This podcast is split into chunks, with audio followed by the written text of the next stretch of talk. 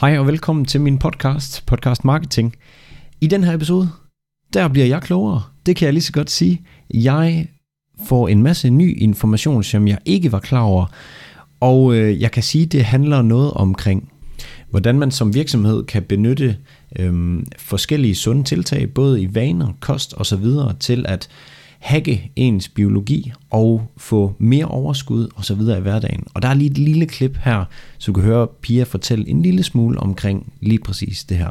Udbyttet er, at man både bliver sundere og stærkere, men årsagen til, at det er interessant, det er simpelthen, at man får noget mere energi og overskud til at, at nå noget mere i sit liv. Så ja, jeg vil bare sige, at du går en super spændende podcast i møde her, hvor du kommer til at lære en masse omkring kroppen, og hvordan at du kan påvirke kroppen via dine vaner til at være meget mere high performance, få et bedre udbytte af din øh, tid, og ja, bare blive sundere, og hvem vil ikke have det? Og måske jeg lige skal sige her, at det er altså både en som privatperson, der kan benytte sig af det her, men det er bestemt også virksomheder, der godt kunne tænke sig at have et high performance team, der vil altså være masser at hente i den her episode. Så lad os komme ind i episoden med det samme. God lytter.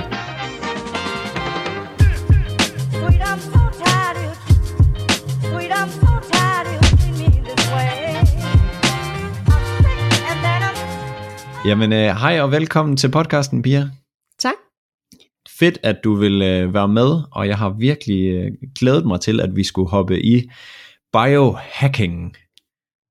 Og Ja. det, det er jo et, øh, hvad skal man sige, et begreb, man ser mere og mere. Er Noget, øh, der er mere og mere fokus på at optimere sig selv. Og jeg tror, vi måske lige skal starte med sådan, hvad er biohacking? Kan du ikke bare lige forklare det, inden vi hører omkring, hvem du er? Jo, det kan vi godt. Øhm, altså biohacking, det ligger jo sådan til dels lidt i ordet, for det handler jo om at hacke sin biologi, Mm. sådan grundlæggende.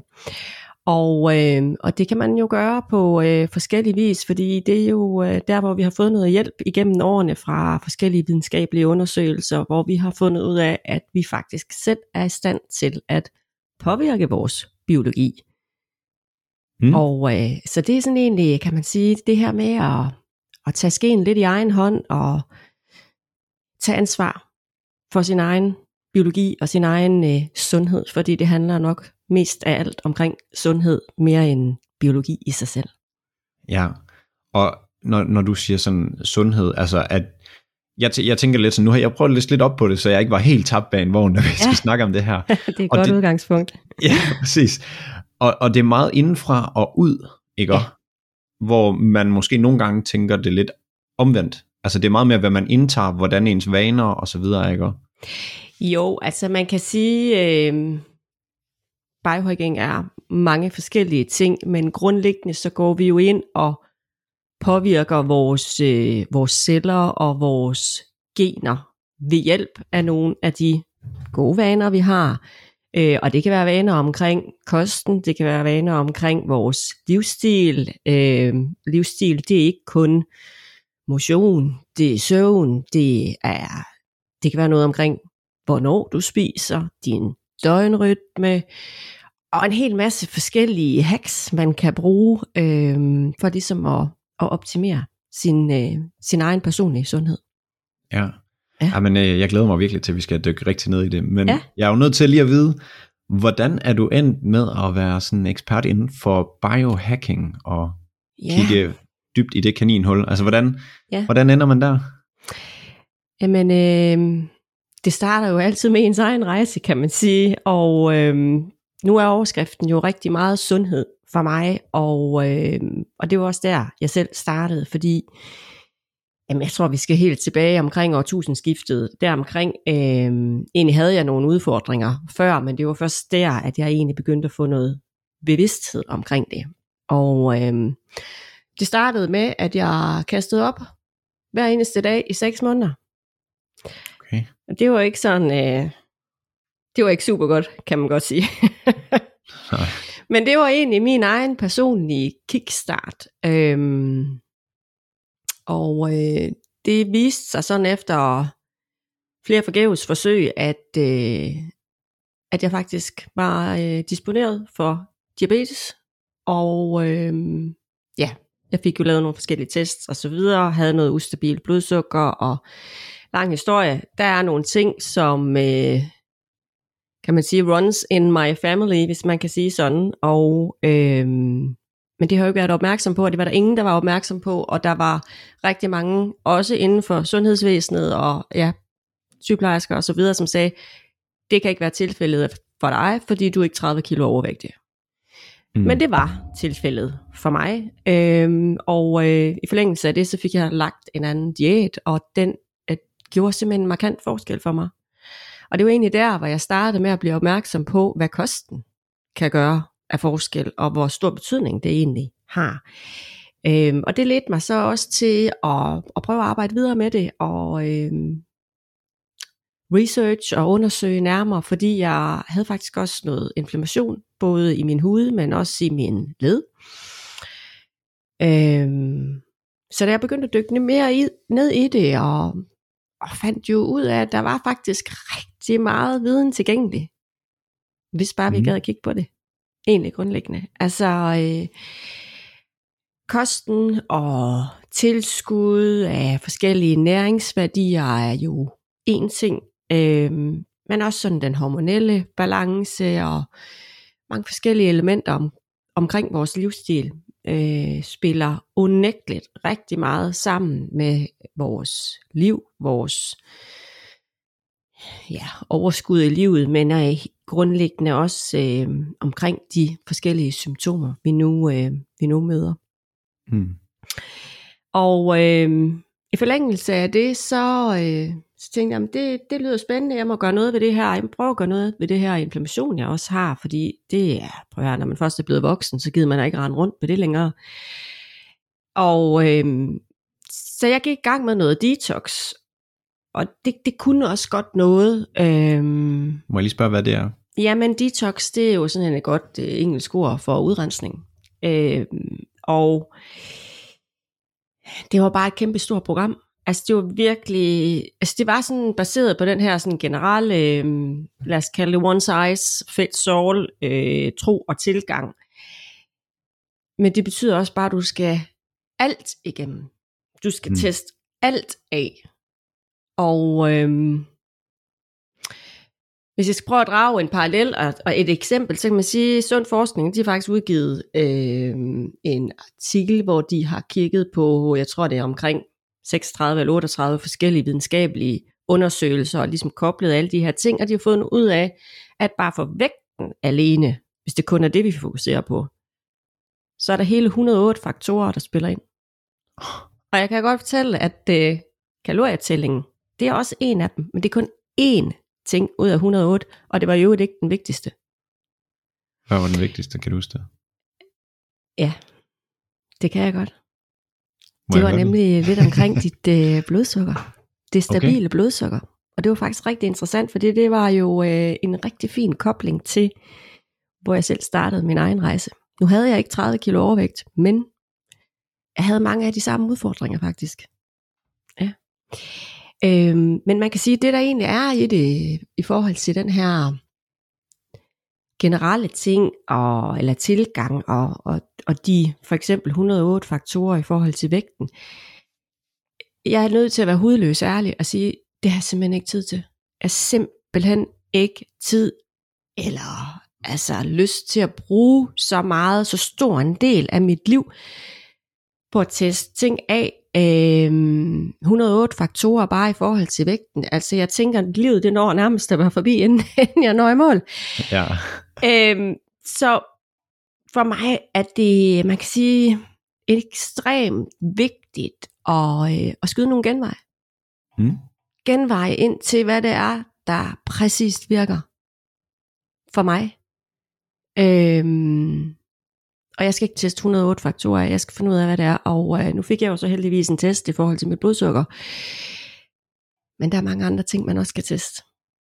Så, øh, så derfor har jeg jo, øh, blev jeg jo meget nysgerrig på, hvordan man med viden og test kan blive klogere på, ikke bare hvad det er, der virker for din nabo, men det, der virker for, for dig selv egentlig grundlæggende. Og øh, man kan sige, jeg fik også effekt af det her detox, det gjorde jeg, øh, men vejen dertil, den var virkelig lang, og jeg var øh, øh, ærligt talt også ved at give op flere gange undervejs, fordi jeg synes, det var for overvældende og, og for mange ting egentlig. Øh, men jeg stoppede op, og så besluttede jeg mig egentlig for, okay, skal jeg, skal jeg kaste håndklædet i ringen, eller hvad, hvad, gør jeg?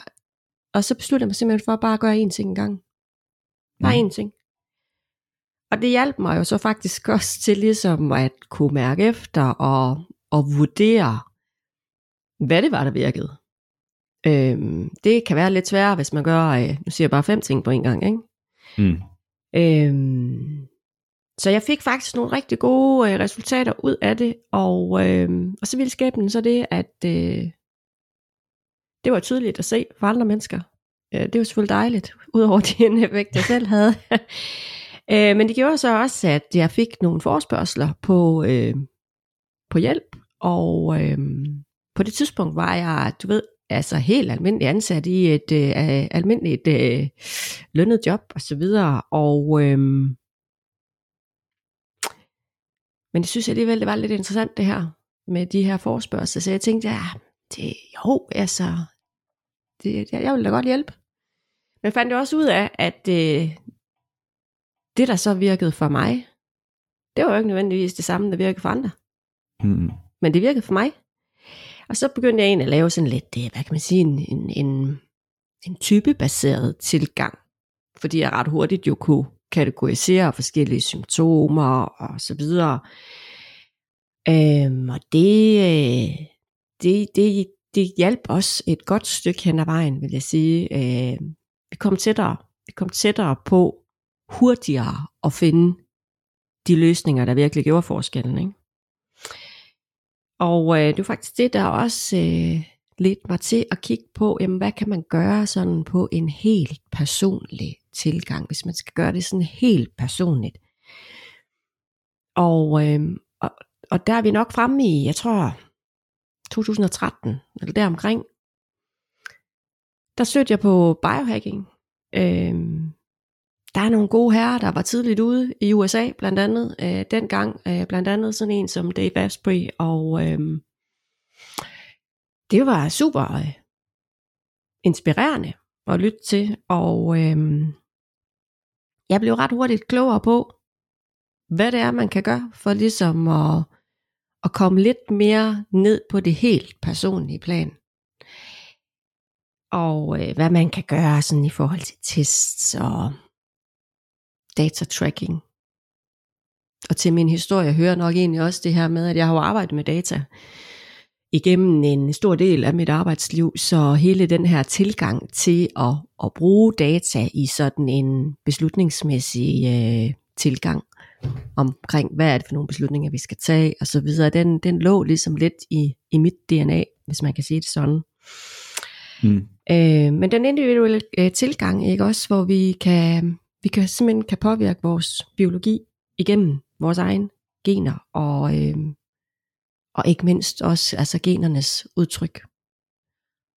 Så, Ja. så det man, øh, er det virkelig spændende det her også, hvordan du sådan, altså hvordan man kommer frem til det her, altså sådan at det er sådan små, øh, små steps hele vejen indtil man finder ud af, at man har brug for at vide endnu mere, og Ja. endnu mere. Øhm, Ja. Og jeg kan huske, nå undskyld, Ja, ja, det er fint. Du får jeg skulle lige sige, da vi, vi talte jo sammen inden her i forhold til, at vi lige skulle finde ud af, hvordan skulle vi afgrænse os, fordi at Ja. vi ville kunne snakke rigtig meget omkring det her. Ja, Øhm, og jeg, jeg kunne mærke en uh, lidt en ild i øjnene, da du sagde det her med, at individuel analyse, det er vigtigt. Ja. Og du har jo været lidt ind over det, men sådan, hvad kan man analysere? Hvad skal man kigge på som sådan de første ting? Nu siger du selv, at tag de vigtigste først ja, der er mange ting, man kan gøre, og det er der også inden for biohacking. Der er også mange ting, og listen her kan også være lang. Så øhm, den individuelle tilgang handler jo om at sætte lys på, hvad er det, den enkelte har brug for. Øhm, og man kan sige, vi kan have forskellige udfordringer. Der kan være noget, vi er bevidst omkring, og noget, vi måske er mindre bevidst omkring, fordi vi trods alt jo kun har prøvet at, at, at være, vores, være os selv, og ja, have den følelse i vores krop og system, som vi nu engang har. Men øh, udfordringer, de konkrete udfordringer og de mål, man, man har, det er jo et sted at starte. Men der er stadigvæk mange veje at gå. Så, øh, så derfor for mig er det eneste rigtige sted at starte, det er simpelthen at teste sig frem til, hvad er det, man har brug for. Og for det, hvis man bare tager sådan et øh, eksempel som øh, vitaminer, øh, du kan også købe dig fat i, i, i mange ting, du måske slet ikke har brug for. Mm. Enten fordi du ikke optager det, eller fordi du måske er fint dækket ind, egentlig. Øhm, jeg plejer sådan lige lidt at sige, at øh, hvis det er søvnen, det er en galt med, så hjælper det ikke at spise gulerødder. altså, men Ja. det er bare, start med at teste. Øhm, og det kan man altså gøre. Der findes forskellige typer af, af tests på markedet. Nogle kalder det for DNA-test, nogle kalder det for gentest, øh, men øh, potato potato, det er lidt same same. Det handler simpelthen om at, øh, at bruge vores genetik til at blive klogere på, hvordan vores krop og vores system har det. Og, øh, og derigennem finde ud af, er der nogle konkrete udfordringer? Hvor er de henne? Og ikke mindst, hvad kan vi gøre ved det? Mm. Og øh, man kan sige, øh, du kan jo godt få gå til lægen og, og få taget nogle blodprøver, og det er jo ikke fordi, man ikke skal det. Men øh, en, en, en gentest, den viser dig bare rigtig meget mere om din sundhed i et helhedsmæssigt perspektiv. Du får simpelthen viden omkring, øh, hvor er du udfordret henne. Det kan være, det er udfordringer, du måske har på din fordøjelse. Det kan Mhm. være udfordringer på din hormonelle balance. Det kan være udfordringer på din væskebalance. Det kan være din søvn. Det kan være, det kan være, at du er en af dem, der oplever noget stress, for eksempel. Og øh, ja, så hjælper det altså ikke kun at tage B-vitaminer, hvis du jo kan mærke, at du mangler dem. Men øhm, det korte er det lange. Det er det rigtige sted at starte. Fordi så kan vi også finde ud af, hvad er det for nogle ting, også inden for biohacking, vi skal sætte ind overfor, for ligesom at booste vores egen proces, så vi kommer hurtigst muligt til nogle gode resultater. Altså for netop at, kan man sige, komme udfordringer til livs. Det kan være udfordringer, som jeg var inde på, omkring ens fordøjelse, men, men det væsentlige er jo også at kigge på, hvorfor det er vigtigt. Og det er det simpelthen fordi, at øh, mange af de ting, vi gør, hvis vi eksempelvis udfordrer vores fordøjelse, så spiser vi måske noget, som, øh, som kræver mere energi, end det egentlig tilfører os. Og, øh, og det, det gør bare, at vores, vores fordøjelse faktisk kommer på sådan en slags overarbejde. Og øh, der er kun øh, et sted, vi ligesom kan tage den energi fra, fordi hvis vi, hvis jeg skal prøve at tegne sådan et, et visuelt billede af det, så kan man sige, at vores, vores øh, energifordeling, hvis vi har en god balance, så er den fordelt sådan, at cirka 70% af energien, den bliver brugt på nogle af de vitale processer, der skal til for at holde vores krop og vores system godt i gang fra halsen og ned efter. Så det var cirka 70%. Og med en god balance, så har du altså så cirka de her 30% tilbage, som altså øh, bliver brugt til processerne i det kognitive område. Øh, så det er også her, hvor du oplever den, det mentale overskud. Hvis du så sætter nogle af dine systemer på overarbejde, vi bliver bare ved eksemplet med fordøjelsen, så kræver det ekstra energi, og der er kun ét sted at tage den her energi fra. Og det er altså fra det kognitive område. Hvis din fordøjelse den er udfordret, så kan dit øh, immunsystem også nemt blive det. Så kræver det måske også ekstra energi. Det kan være, at det så udfordrer dine nyrer. Det kan være, at det udfordrer din udrensning, for eksempel. Som var tilfældet hos mig. Øhm, så hvis vi bare leger som med et let regnestykke, så kan man sige, at hvis de hver især har brug for 5% ekstra energi, så er vi altså nede på det halve af den energi, vi egentlig havde til rådighed i det kognitive område. Og det er her, vi bliver udfordret sådan virkelig for alvor. Det er her, hvor vi bliver træt alt for hurtigt. Altså, øh, der er jo I, nogle ho- mennesker, i der... hovedet. Altså sådan, Træt, træt i hovedet? Ja, eller... træt i hovedet. Altså, øh, der er nogen, der oplever, at de bliver træt efter et måltid. Mm. Hvis man bliver træt efter man har spist, så kan jeg godt sige med sikkerhed, så er det fordi, du har spist et eller andet, der udfordrer din fordøjelse. Okay. Så en stor Hvad det er, bøf. det ved vi ikke endnu. Det, det, det skal vi først til at blive klogere på, men du har spist et eller andet, der udfordrer din fordøjelse. Ja. Og jeg vil sige, også på arbejdspladsen, ikke? Men de fleste kender det her med, når klokken den, den bliver måske 14. Jeg tænker bare, "Åh, der, er- der er lang tid til fyraften, men jeg har bare, jeg har ikke ret, ret meget af den gode energi tilbage, øhm, men jeg har stadigvæk en hel masse opgaver, jeg egentlig har brug for at få løst det kan godt være lidt frustrerende.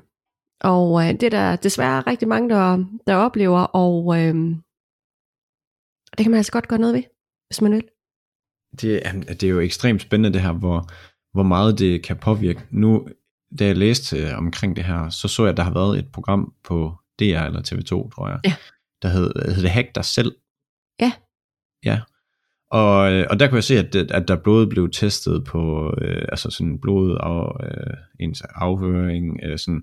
Ja. Og, og, og det var for sådan nogenlunde at dække ind, som jeg kunne forstå på, hvordan er, er din krop, øh, altså sådan, hvad er status pt. Ja. øh, og, og hvor kunne der ligge nogle, øh, nogle gode ting at hente. Ja. Men, men det er lidt sigende, da du siger med, for eksempel hvis man har spist et, et måltid, og man så er nødt til at, huh, jeg skal lige ligge ned. Det kan Altså- både være den der følelse af, at øh, efter en god lasagne for eksempel, man Mm. bliver lidt sofatræt, ikke? Ja. Ja.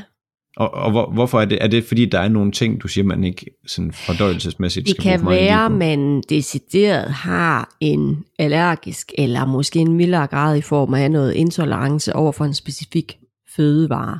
Men det kan også være, øh, hvad kan man sige, lange øh, sukkerkæder, sukkermolekyler for eksempel, der udfordrer ens øh, system og fordøjelse for eksempel. Okay, Ja. det lød lidt teknisk.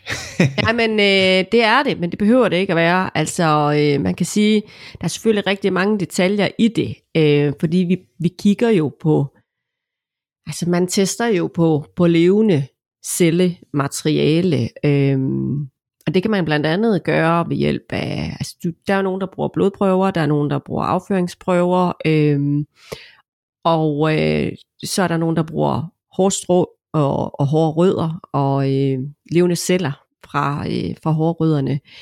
Øhm, og grundlæggende kan de jo hver især noget, og, øhm, men, men man skal forstå egentlig, man, altså hvis du kigger på en, en celle, i cellen, så er der en cellekerne, og uden at det sådan skal blive alt for teknisk. En del af cellens kerne er kromosomer, og her er øh, no, noget af kromosomerne består af dit DNA. En del af dit DNA er så gener. Så det er så langt ned, vi kommer, og det er så her, vi ligesom øh, kan, kan påvirke. Og derfor er det vigtigt, at det er det levende cellemateriale, vi, øh, vi ser på. Ja. Ja. Og sådan helt grundlæggende, hvis, vi- hvis, øh, hvis jeg skulle gå hjem herfra og forklare min far det på, lad os sige, 10 sekunder, hvilk, så vil han jo vide, hvad kan man få ud af det? Og, og hvad kan man få ud af at, hvad skal man sige, finkæmme sin, øh, sin livsstil og, øh, og ændre den sådan proaktivt? Mm. Hvad, hvad, kan, hvad er udbyttet? Jeg afbryder lynhurtigt her for lige at høre dig omkring, om du kunne tænke dig at connecte med mig på LinkedIn. Jeg synes, det er det fedeste i verden at connecte med ligesindede mennesker og, øh, og folk, der også interesserer sig for, øh, for lignende ting, som jeg også gør inden for øh, virksomhed og jamen, i det hele taget bare at lære noget mere. Så hvis du er en af de typer og godt kunne tænke dig at connecte med mig, så søg på LinkedIn på navnet Mads Lyngø, og Lyngø det er L-Y-N-G-Ø, og skriv gerne, at, øh, at du hører podcasten, og øh, så connecter jeg med glæde. Så øh, det vil jeg bare lige sige, og så lad os hoppe tilbage til podcasten igen. Altså, man kan, udbyttet er, at man både bliver sundere og stærkere, men årsagen til, at det er interessant, det er simpelthen, at man får noget mere energi og overskud til at, at nå noget mere i sit liv. Øh, man får en bedre balance i sin øh, krop og sit system. øh, men altså også i, øh, i sin energi. Og øh, det har simpelthen så stor betydning for ens livskvalitet, at øh, altså jeg, jeg må være ærlig og sige, at jeg kan kun være det. Og så vil jeg sige, en af, af grundene til, at øh, det her med at teste sig frem til, til løsningen, at den er så vigtig, det er også fordi, vi kan fast forward os til de løsninger, der virker præcist til os individuelt, i stedet for at bruge tid, kræfter, tabt motivation på noget, der ikke virker, eller måske kun virker for din nabo. Ja. Jamen, det giver virkelig god mening. Og, ja. øh, og når du siger det her, så kan jeg jo godt høre, at det især kommer high performende personer til, altså som en fordel, hvor man virkelig prøver øh, at forbedre sin indsats hele tiden. Er det korrekt? Øh, ja, altså man kan sige, at det kan egentlig bruges af alle mennesker. Mm. Og øh, man kan sige, der kan også være forskel på, hvor udfordret man er, men, men alle kan bruge det. Det, der egentlig er kendetegnende ved de high performende mennesker, det er, øh, at de tænker typisk på en anden måde. De tænker ja. lidt mere som sportens atleter, som faktisk er vant til at arbejde med sådan en lidt øh, micromanagement-agtig tilgang, hvor man skruer på de små knapper for at frigøre mm. det potentiale, der, øh, der er til rådighed i en. Så man lige kan lidt mere. Så man lige kan rykke 5, 10, 15 procent eller mere, afhængig af ens udgangspunkt og, og mål, ikke mindst. Ja. Ja. Og man kan sige, det vil jo også kunne bruges i en virksomhedskontekst, det her, fordi det du hjælper med i det hele taget, nu har vi jo egentlig ikke sagt så meget i forhold til det, men det du hjælper, det er jo både private, men også øh, virksomheder, er det ikke korrekt? Jo. Med ligesom at, i forhold til, hvis man gerne vil optimere på sundheden Ja. i, øh, i sit team for eksempel. Præcis. Ja. Hvordan benytter man det som arbejdsplads? Øh, hvordan man benytter det som arbejdsplads? Jamen, øh, vores, vores verden, øh, kan man sige, vores, altså, vores arbejdsmæssige øh, verden ser jo øh, sådan post-corona jo sådan ud, at øh, vi er blevet langt mere hybride. Øh, alt det digitale er jo blevet en langt større del af vores, vores verden, og det betyder også, at vi arbejder anderledes, og øh, det kan være en kunst også at balancere i, også for medarbejderne i forhold til, hvornår er jeg egentlig på job, hvornår er jeg egentlig ikke på job. Øh, og man sætter måske en masse forventninger op. Det kan være øh, både fra virksomhedens side, men, men ikke mindst også fra, fra en selv, som kan være svær at efterleve. Og vi kan bare se, at stress og øh, ja, følgesygdomme, øh, det stiger helt vildt meget. Og samtidig så er virksomheden jo altså også super udfordret i forhold til at kunne finde øh, nogle øh, gode nye medarbejdere, ikke mindst kunder og, og at vedligeholde og holde fast på, på dem, de allerede har. Men jobmarkedet er også super svært i øjeblikket, så her er der lige præcis en mulighed for, at virksomhederne rent faktisk kan gøre noget for deres medarbejdere. Mm. Men det er ikke kun til glæde for medarbejderne. Det er det altså også for virksomheden, fordi man kan sige, vi går ind og arbejder selvfølgelig individuelt med den enkelte medarbejder, fordi det er lige præcis det, der gør forskellen, at vi har den individuelle tilgang. Men laver man, man et forretningsmæssigt perspektiv på det, så kigger vi jo på, hvordan er sundhedstilstanden sådan helt grundlæggende hen over øh, en udvalgt medarbejder, skar det kan være en specifik afdeling eller et team øh, for den sags skyld. Og så arbejder vi i en tre måneders periode med de individuelle indsatser, der er for den enkelte, samler op igen øh, med nye test og nye resultater, og, øh, og selvfølgelig laver noget benchmark på, hvordan de har udviklet sig. Og det er der altså rigtig mange virksomheder, som har en god interesse i også at bruge i forhold til deres employer branding, øh, så de står stærkt i kampen om, øh, om de bedste medarbejdere. Og så giver det dem altså ikke mindst en bedre performance hos deres medarbejdere, fordi de har fået forløst noget sundhed og noget energi hos den enkelte, så de, de, de har mere energi og overskud til at nå mere. Og det betyder noget, når du står over for, det kan være forandringsprojekter, det kan være, øh, du har nogle nye strategier, der skal søsættes. Og hvis det er noget, medarbejderne de skal nå, ud over deres almindelige arbejdsopgaver, så kræver det lidt ekstra. Ja. Og øh, der kommer du altså lang, længst med at få implementeret de her nye strategier, hvis du faktisk hjælper dine medarbejdere til at lykkes med det. Og det kan du gøre ved hjælp af at forløse noget mere energi og overskud hos dem. For de kan jo i bund og grund godt have en god motivation til gerne at ville, men hvis de kører død kl. 14, ja, så er der altså nogle øh, halvspildte arbejdstimer der. Øhm. Ja. Og så vil jeg bare lige sige, fravær er også et element. Fordi jo sundere og jo stærkere dine medarbejdere er, jo bedre de har det, jo mindre fravær har de også. Det er helt klart og tydeligt, og det kan vi, øh, det kan vi måle og veje på. Så øh, det har jo altså en, øh, en, hvad kan man sige, en, en bundlinjemæssig økonomisk konsekvens for virksomhederne. Så, øh, så her er der en masse god økonomi at hente, også for virksomhederne. Så et eller andet sted, så kan det både optimere medarbejderen i det hele taget, altså både i deres arbejdsliv, men også bare generelt, altså potentielt, nu ved jeg godt, det lyder sådan lidt voldsomt, men leve længere, få en bedre livskvalitet. Ja. Og hvad skal man sige, virksomhederne, de får det ud af det, at de får nogle medarbejdere, der er sunde og, og, og, og raske på sådan ja. et lidt mere, hvad skal man sige, et lidt højere plan, end det vi tænker rask lige nu, som i at, ja. når jeg hoster ikke, ja. så er jeg rask. Det er, øh, det er simpelthen en strategisk tilgang til din sundhed. Mm. Og hvordan som virksomhed, tænker jeg, hvordan skal man approache det her? Hvis, hvis man går og overvejer, hey, det her kunne være rigtig spændende at implementere for mine mm. medarbejdere, men hvor, hvordan får jeg dem med på ideen, eller sådan, hvordan implementeres det? Bedst af dine ja, erfaringer i hvert fald. Så øh, hvis spørgsmålet går på, hvordan jeg ligesom øh, får mine medarbejdere med på vognen. Ja, lige præcis. Så kan man sige, øh, vi kender jo alle sammen til, øh, øh, hvad kan man sige, at vi kan sammenligne det med sådan noget som øh, rygestop-tilbud. Mm. Det er jo altså også noget, der hjælper dine, øh, dine medarbejdere øh, med at få det bedre og blive sundere og have mindre fravær.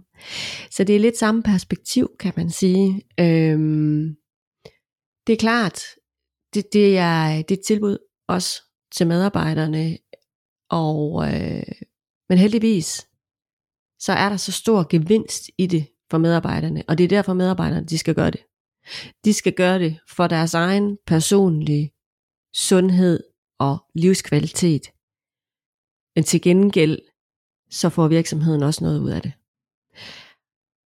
Og arbejder man så, kan man sige, på et, mm, det kan være lidt tricky at kalde det for et højere plan, men det tror du forstår. Altså de her mm. øh, folk, der sådan har en, en, en god high performance tilgang i forvejen,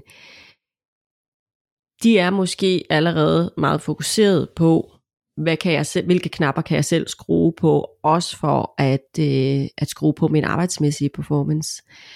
Men grundlæggende så handler det også om den personlige sundhed, og det er egentlig det, der er vejen ind til den enkelte medarbejder. Giv dem det tilbud, og få værdi ud af det også som forretning.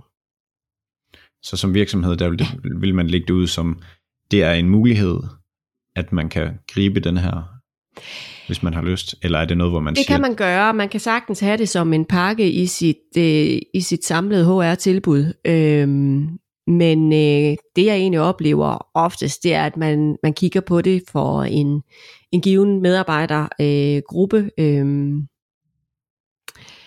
for ligesom at se, hvordan rykker de sig samlet set. Og for medarbejderne, så giver det faktisk også noget af det her med, at vi kan følge sig i processen. Og det er ikke noget, der er farligt. Det er et sundhedsmæssigt tilbud, hvor medarbejderne altså kun risikerer, at de samtidig får det bedre. Ja. Så, øhm, så det er egentlig det, der er vinklen ind fra virksomhed til, øh, til medarbejdere. Okay. Ja. Og øh, bare sådan top of mind, sådan lad os sige lidt øh, 80-20 tilgang til, hvad man kan gøre, som er det vigtigste. Hvis vi kigger ned på den enkelte medarbejder, lad os sige, det er mig og jeg arbejder i, i en af de her forretninger, som du hjælper ja. med det her tilbud. Hvis vi går ind og kigger på mig, uden at vi lige har analyseret mig, men hvad, hvad vil de typiske sådan årsager til, at jeg måske har noget inflammatorisk i kroppen, eller jeg, altså sådan, eller til det ikke, jeg ikke er optimal, skal vi sige det sådan. Hmm. Ja, altså øh, hvis vi øh, skulle arbejde med dig, uden at have resultatet af en test, Mm. så vil jeg sige, der hvor jeg oplever, at øh, langt de fleste har udfordringer, det er omkring deres søvn, det er omkring stress, og så er det omkring blodsukker. Okay. Hvis jeg bare skal nævne tre ting. Og, øh, og det kan man altså, øh, det kan du jo nemt teste på.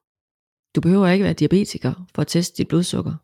Du behøver i øvrigt heller ikke at øh, prikke dig selv øh, i fingeren flere gange dagligt. Du kan få små øh, sensorer, du kan have på, øh, du kan gå med på din arm i, i to uger, som hele tiden viser dig, hvordan dit blodsukker det forandrer sig. Ikke kun i forhold til, hvad du spiser, men også i forhold til din livsstil omkring din, din hverdag, øh, igen, søvn, stress, øh, motion. Hvad betyder motionen i forhold til dit blodsukker? Din motion kan også være for hård, så den faktisk stresser dit system. Og det er også noget af det, som, øh, som vi kigger på, når vi arbejder med, med mennesker individuelt. Det er, hvad er det, hvad er det for en kostretning, der passer til den enkelte? Ikke bare, hvad det er for nogle fødevarer, der måske kan udfordre, og hvad for nogle superfoods, der egentlig kan, kan man sige, booste processen og skabe nogle hurtigere resultater. Men hvad er det for nogle kostretninger, der passer til den enkelte? Men også, hvad er det for nogle motionsformer, man har brug for? For jeg kan godt afsløre, at hvis man nu til eksempel oplever en hel masse stress, så er det ikke sikkert, at det er spændingtimerne, man skal skrue mere op for. Så skal der måske noget motion ind, som giver lidt mere ro og balance, for eksempel. Ja. Og bare Ja. ja. sådan, øh, nu, nu kan jeg jo igen bruge mig som eksempel. Øh, jeg tror måske, jeg har en idé om, at mit blodsukker, det danser lidt op og ned. Ja. Og jeg faster oftest sådan øh, 16 timer, og så 8 timer, hvor jeg spiser ja. et vindue. Klassisk. Det er faktisk et rigtig godt hack. Det, der Det er godt til det. Det er det faktisk. Ej, ej, hvor godt. Så, ja, så du er allerede vej. i gang, du vidste det bare ikke. Nej. Nå, ej, hvor godt. Ja. Men hva- hvad, bare lige sådan for forståelses skyld, er det, når man faster, hvad gør det ved kroppen? Altså, stabiliserer det blodsukker, eller? Øhm, det kan være med til at stabilisere dit blodsukker, ja, og faktisk så får jeg egentlig lyst til at fortælle, at øh, om den gang, hvor jeg mødte Nikolaj Damgaard for nogle år tilbage, han har jo skrevet en bog omkring faste, øh, omkring den midlertidige faste, og øh, jeg havde kun et spørgsmål til ham, og det var, jamen, øh, hvad, hvad, hvad med sådan en som mig? Fordi jeg har jo det her ustabile blodsukker. Er det overhovedet noget for mig med det her. Mm. faste? Og øh, han havde et klart svar. Ja, det er det. Det er særligt til dig. Okay. Det kan hjælpe dig øh, både til at stabilisere dit blodsukker, og øh, så hjælper det dig helt sikkert også til at rense ud i nogle af de, øh, de døde celler, som du har brug for at komme af med i dit system også. For det er jo noget af det, som, den, som fasten kan, og som øh, ja, en midlertidig 16-8 for eksempel tilgang også kan. Ja. Men min personlige erfaring øh, i forhold til mit blodsukker og fasten, det er, at øh, det hænger unægteligt sammen. Det giver et mere stabilt blodsukker, men din faste bliver også meget lettere, hvis du som udgangspunkt sørger for at have så stabilt et blodsukker som muligt. Så hvis Som- man sidder derude og tænker, 16 timer uden mad, så vil det sige, jamen du skal bare skrue lidt på dit øh, stabiliseringen af dit blodsukker, så bliver det meget nemmere. Og det skal jeg lige have et lille fif til. Ja. vil du have det nu? Ja, tak. Endelig. Altså, der er jo mange ting, der kan skabe et ustabilt blodsukker. Som jeg sagde tidligere, så er det ikke kun kosten, hvis, men hvis vi skal blive ved kosten, så kan sådan noget som de gode fedtsyre øh, være et rigtig godt sted at starte. Okay. Så lidt mandler, lidt avocado og lidt Præcis. måske. Lige præcis. Den er noteret. og du nævnte jo lige før, inden vi gik i gang med, med fastesnakken her, at der var nogle ting, man kunne gøre. Altså noget udstyr, så man kunne have den her til at måle Ja, øh, på armen. Hvad, hvad er der udstyr, der kan hjælpe en? Øhm, Uh, der findes også meget. jeg, jeg kan lige sige allerede nu, vi snakkede om sidst, øh, at man kunne have sådan en, en ring. Ja. Øh, og så søgte jeg bagefter på øh, performance ring, og det var så ikke lige det, der kom frem. Hvad hedder det? hvad hvad jeg hedder ser den for mig, ring? hvad det var. Ja, men præcis.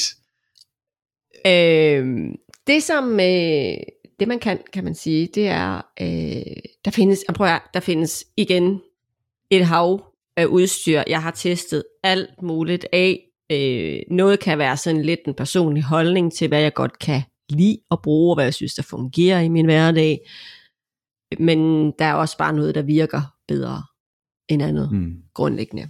Øhm, en af de ting, som jeg absolut ikke kunne være, det er min ring. Det er min Aura Ring. Øhm, det som den gør, det er, at den øh, hjælper mig blandt andet med min, at tracke min søvn. Det er nok det, jeg sådan primært bruger den til egentlig grundlæggende. Øhm, fordi den fortæller mig jo ikke kun, hvor lang tid jeg sover. Det kunne jeg nok godt finde ud af uden ring. Men den fortæller mig også noget omkring, hvordan jeg sover, altså kvaliteten af min søvn og øh, de forskellige søvnfaser. Mm. Og hvorfor er det vigtigt? Det er det simpelthen fordi, at hvis ikke du får nok af den dybe søvn, så, øh, så får du simpelthen ikke øh, renset øh, godt nok ud. Øh, ikke bare i affaldsstoffer, men også i hjernen. Hjernen har simpelthen brug for ro om natten, og øh, det kan simpelthen være medvirkende til, at du ikke føler dig udvilet, når du vågner om morgenen. Du ikke føler, at du er, er frisk som en havørn og har lyst til bare at springe ud af sengen. Så, øh, og jeg bliver nødt til at sige, jeg har set klienter, der har netter uden dyb søvn. Og det blev jeg faktisk selv pænt overrasket over. Så ikke bare lav søvn, eller lav dyb søvn, øh, men, øh, men også uden. Og da jeg selv begyndte at skrue på, øh, på nogle af de her knapper, og, øh, og kigge på, hvad er det så, jeg kan gøre, hvis jeg skal have noget mere af den dybe søvn? Hvordan kan jeg så fremme den, den, øh, den bedre dybe søvn? Øh, så kunne jeg virkelig se og mærke en forskel hos mig selv. Og det, øh, og det smart, det var jo, at jeg også kunne, øh, jeg kunne også data track det med min ring. Jeg kunne simpelthen se, hvad det var, der gjorde en forskel. Øhm, og, øh, og det var faktisk rigtig interessant, fordi det er jo med til at holde min motivation. At jeg kan se, at det rent faktisk virker. Det er ikke bare noget, jeg kan mærke på min krop, fordi selvom det i sig selv er en god motivation, så man skulle da godt nogle gange blive sådan lidt i tvivl. Er det bare noget, jeg kan Mm. mærke, eller er det bare mig, eller er det bare fordi, det er en god dag, eller Placebo. øh, fuldstændigt. Ikke? Ja. Øhm, men fordi jeg kan koble det til data tracking, så er det faktisk med til at holde min øh, motivation. Jeg kan se det, jeg kan se det klart og tydeligt. Det kan jeg altså også, hvis det er, at jeg kommer til at spise for sent, for eksempel. Så kan jeg også se effekten af det. Men øh, det er så en af tingene. Okay, jeg er lige nødt til at spørge her, fordi nu prikker du lige på noget, som jeg måske også kommer til, og det kan være, der er også andre, der gør. Ja. At spise for sent, hvor Ja. tæt på øh, sengetid skal man, må man max gå, eller sådan som finger, øh, tommelfingerregel? For jeg kan godt spise en halv time, inden jeg går i seng. ja, det skal du ikke. Okay. Det er i hvert fald øh, ikke det, der giver dig de bedste forudsætninger, vil jeg sige. Hvor fanden jeg er så træt? Øh, en, øh, altså, i hvert fald en to-tre timer. Okay. Mm.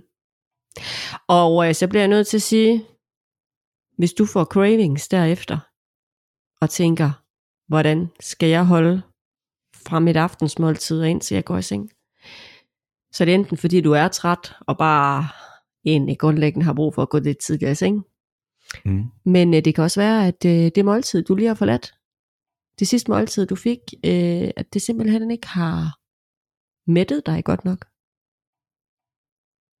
Du er måske heller ikke stabil på dit blodsukker, apropos dit spørgsmål fra tidligere. Ja. Og hvis ikke du er det, så sker der jo det, at øh, man kan sige, det kan være noget af det, du spiser, der får dit blodsukker til at pike. Og øh, det er ikke de, det peak, der sker, der i sig selv er udfordringen. Det er det fald, der sker efterfølgende. Så det er hurtigt op, hurtigt, hurtigt ned op, i kælderen. hurtigt ned. Ja, peaks and lows, og øh, når dit blodsukker så falder, og du dermed oplever et lavt blodsukker, det er der, hvor du får nogle af de her cravings også. Mm. De der sukker cravings, som øh, de fleste af os har oplevet på et eller andet tidspunkt, hvor man bare tænker, det er ligesom om, at de styrer, øh, det styrer mig mere, end jeg styrer det selv. Og øh, ja, det kan man altså godt lære at styre. Det er sagtens lade sig gøre. Så Altså bare arbejde grundlæggende lidt klogt og smart omkring det. Ja. Ja. så grundlæggende der, et, et nærende, godt måltid, burde kunne holde en de her to-tre timer, uden at man får trangen til at skulle Ja. fylde hovedet med et eller Ja. andet. Næring er godt.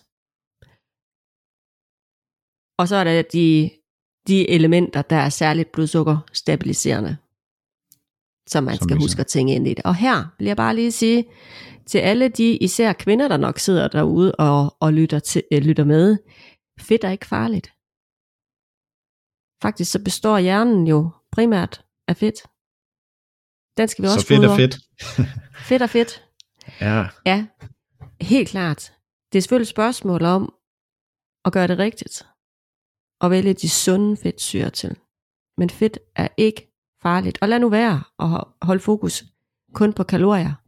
Det er kun én ting ud af 108 faktorer, der påvirker bare vægten. Ikke? mm. Så øh, det, blod, det stabile blodsukker har faktisk en større betydning her. ja. Og så vil jeg faktisk lige sige, hvis jeg lige skal bare lige runde af i forhold til den ring her.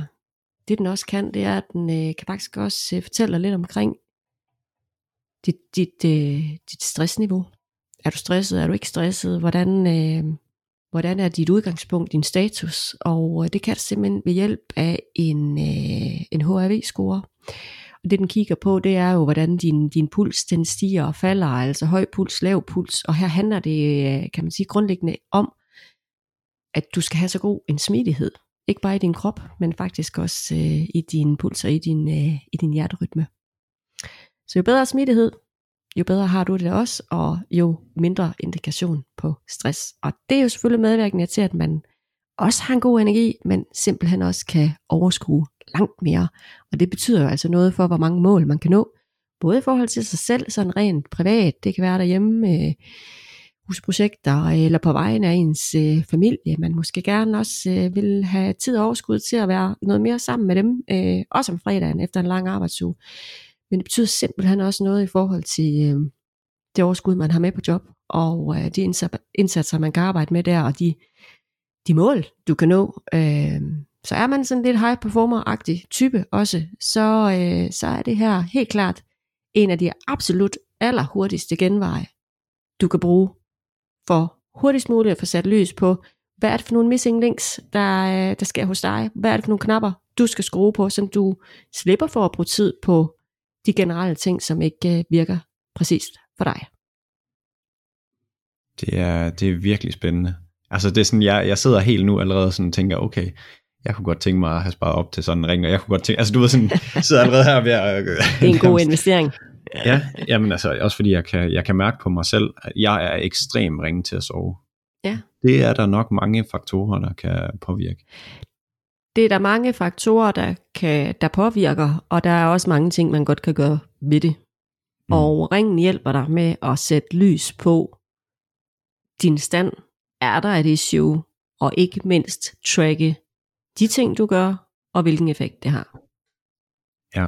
Og det er bare, altså jeg bliver nødt til at sige, jeg har jo arbejdet med klienter igennem syv år nu, og nogle af dem, jeg møder, de har allerede sådan lige lidt en fornemmelse af, at de måske har nogle særlige trigger foods, altså nogle fødevarer, de måske ikke sådan tåler så godt. Det kan være, at de har fået testet noget ved lægen. Det kan også være, at de har fået foretaget nogle tests, men som måske ikke øh, er udslagsgivende.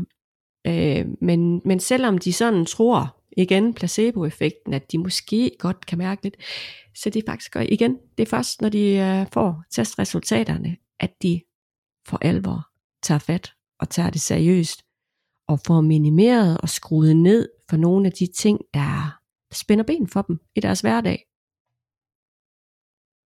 Ja. Ja. Og hvis overall, bare lige når jeg, nej, det kan godt være, at vi lige skal høre, er der flere hjælpemidler, sådan bare lige, Uh, der, der er kan mange. give mening? Ja, der er mange. Øhm, Okay, så er de vigtigste. Altså testen er en ting, så har vi ringen. Og til det vil jeg sige, der findes alle mulige andre sleep trackers også derude. Det har jeg bare lige brug for at, at lige øh, fortælle os, fordi der findes en masse forskelligt.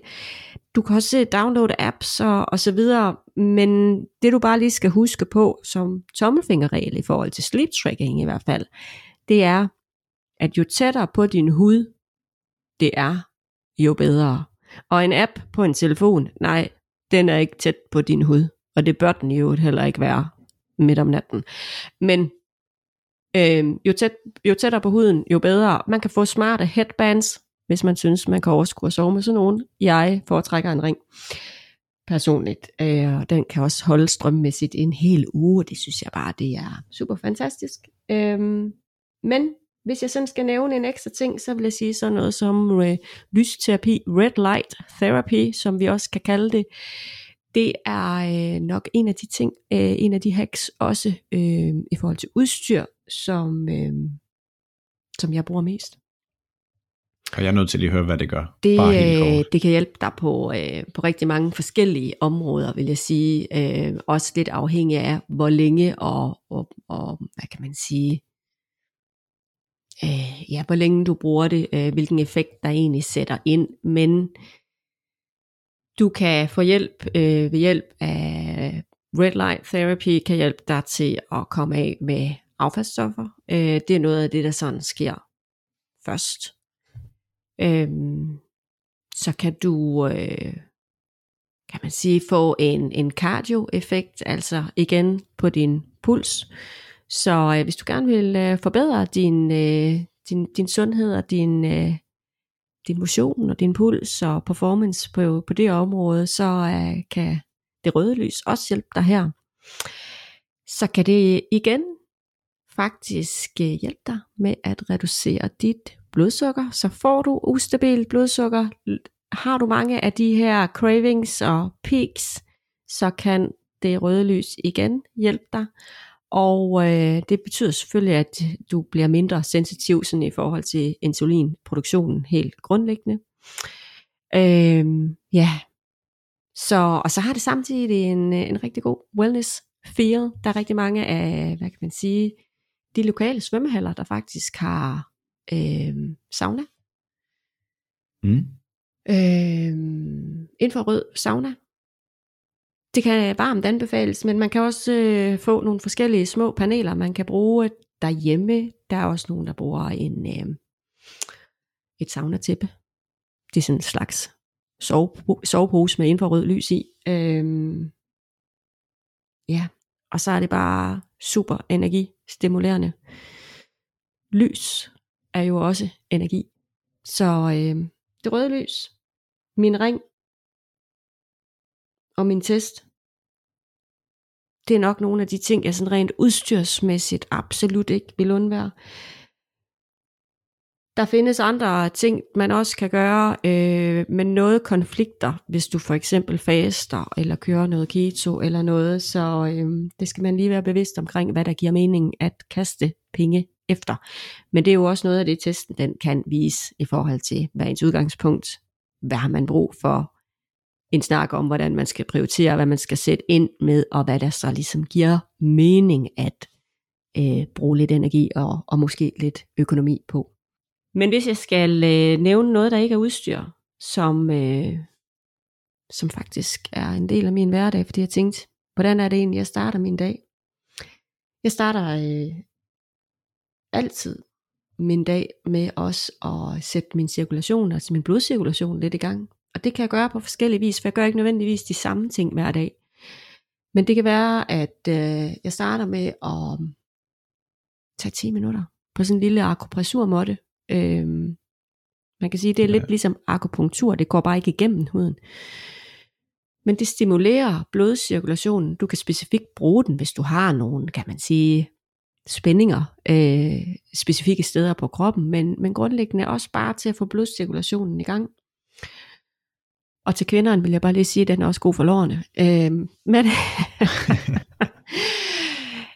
det kan være noget af det, jeg gør. Det kan også være, øh, jeg slutter mit bad af med en øh, iskold skylle. Det har en, igen, blodcirku- øh, blodcirkulerende øh, effekt. Super vitaliserende, god følelse. Det behøver ikke at være lang tid. Du kan godt bare lige tage den kort.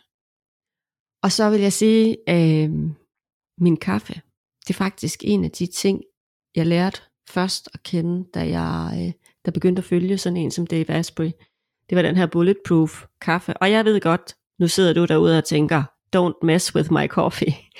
Og sådan har jeg det også på rigtig mange områder. Men på et eller andet tidspunkt, så overgav jeg mig alligevel og tænkte, jeg er nødt til at prøve det. Jeg er nødt til at prøve det. Og øh, den dag i dag, der vil jeg bare sige, at jeg elsker min kaffe.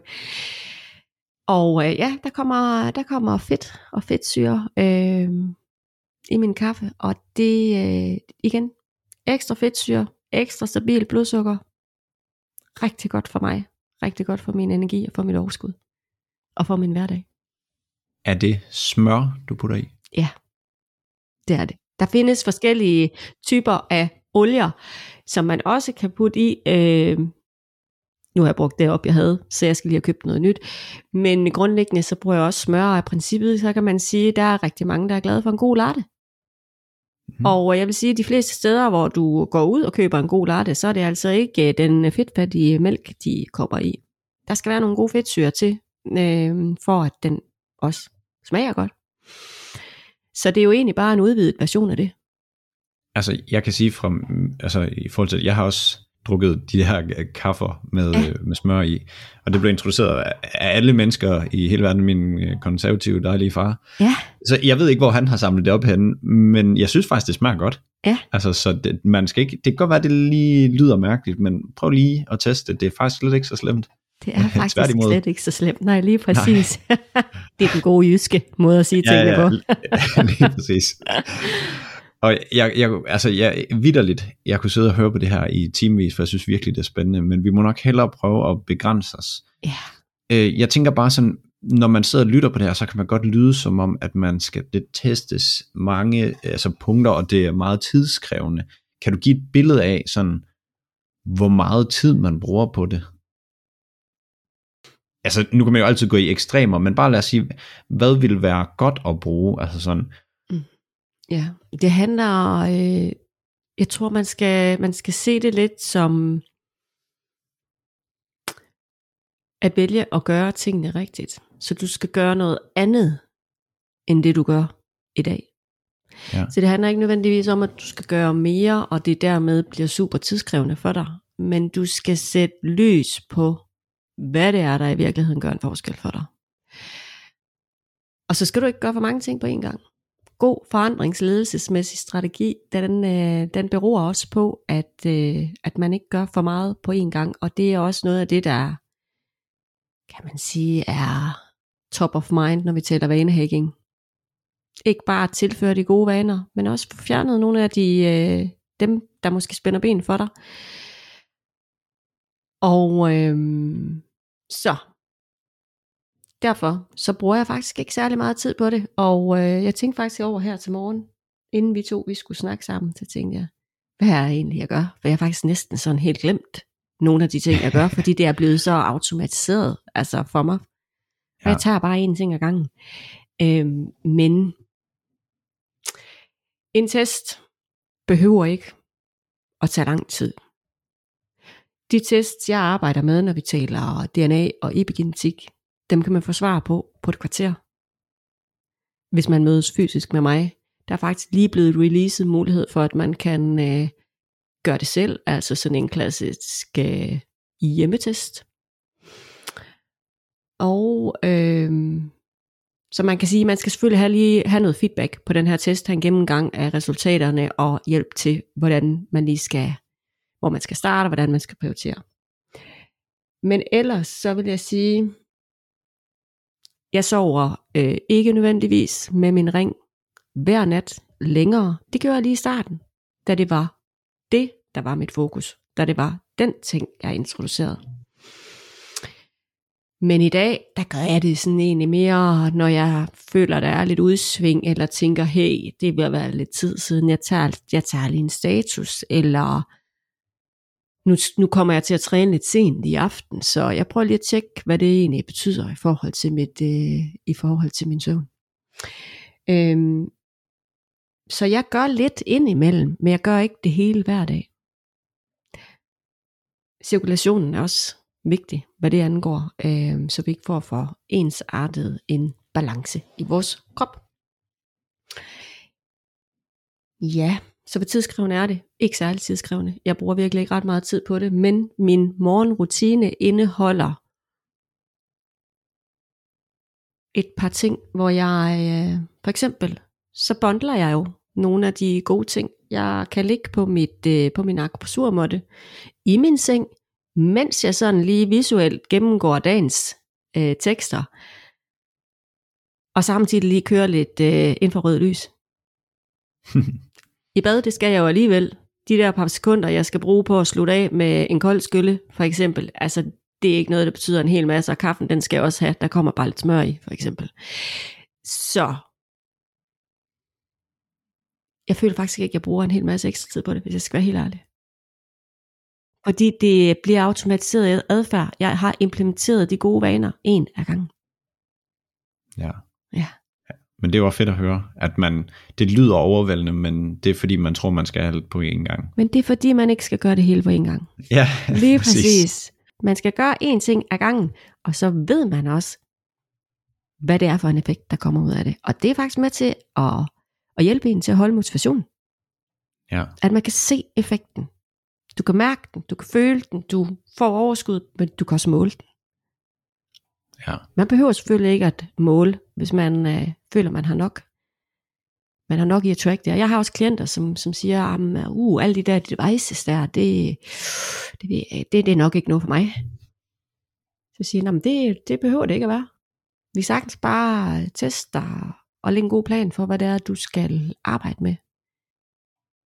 Men jeg kan bare se, at dem, der tracker, de, øh, altså deres motivation bliver helt anderledes. Fordi at de kan se det sort på hvidt. Mm. Øhm, så, øhm, så det kan i hvert fald varmt anbefales.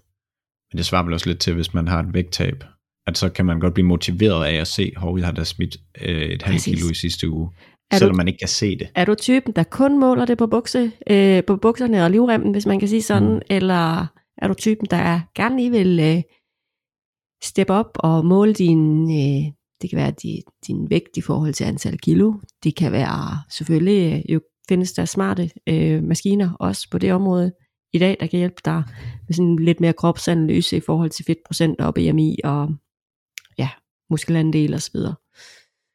Så, øh, men jeg må bare sige, at øh, hele den her tilgang og hele den her livsstil har jo virkelig betydet noget for mig og for min energi, men sørme også, ikke bare for min energibalance, men også for min kropsmæssige balance. Ikke? Altså jeg er 47 år i dag, og jeg, øh, altså min krop har aldrig været i en bedre form. Aldrig. Og jeg har altså været aktiv, også inden for sporten, igennem en stor del af mit liv. Og det er først nu, jeg egentlig har den bedst mulige balance, og øh, ja, både BMI og fedt øh, procenterne, de, øh, de ligger under de 20, og det er jeg så fint tilfreds med. Jeg kan sige, nu, øh, nu er der ikke øh, video på, men du ser bravende godt ud, og øh, ligner ikke Tak. en på 47. så øh, du har gjort et eller andet, der er rigtigt i hvert fald. Ja. Øhm, men jeg tror lige, vi skal lige have sådan et, et takeaway med fra det her, som jeg synes er meget vigtigt. Hvad vil du have, altså hvad synes du, man skal fokusere på som det første at rykke på, eller hvad rykker mest? Ja. Allerførst så skal man kigge lidt på sin egen, øh, sit eget mindset, og uden den her skal blive lang, så vil jeg bare lige sige, lad nu være med at tro, at sundhed kun foregår hos lægen. Du kan godt gøre rigtig mange ting selv. Og øh, hvis jeg skal bare give et råd, som kan hjælpe dig til at sætte lys på, hvad det er, du har brug for, men også at finde de missing links du skal arbejde med for at genoprette balancen i din energi og i din krop, så skal du starte med at teste. Testen, altså den epigenetiske test, DNA-testen, øhm, ja, flere løsninger. Øhm, det er der, du skal starte. Okay. Helt klart. Jeg har Uden nemlig forventet, at du vil svare søvn. Ja, men øh, det er ikke sikkert, at du er udfordret på søvn. Mm. Det kan godt være, at du er. Men øh,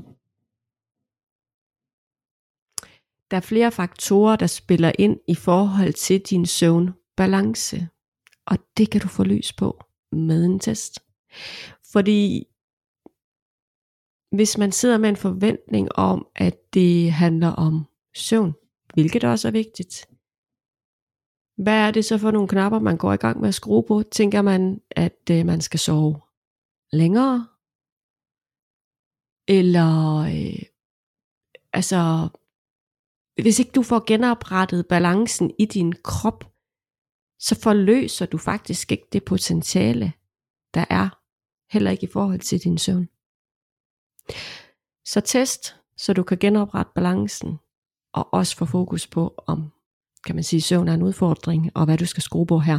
Og så vil jeg bare sige, lige i forhold til søvnen, der er undersøgelser, der viser, at du kan med den rigtige balance, med den gode kvalitetssøvn, så kan du altså nøjes med ned til 6,5 times søvn hver nat. Du behøver ikke at sove 8 timer eller mere måske, for at føle dig udhvilet. Fordi det er simpelthen kvaliteten og søvnfaserne her, vi skal arbejde med.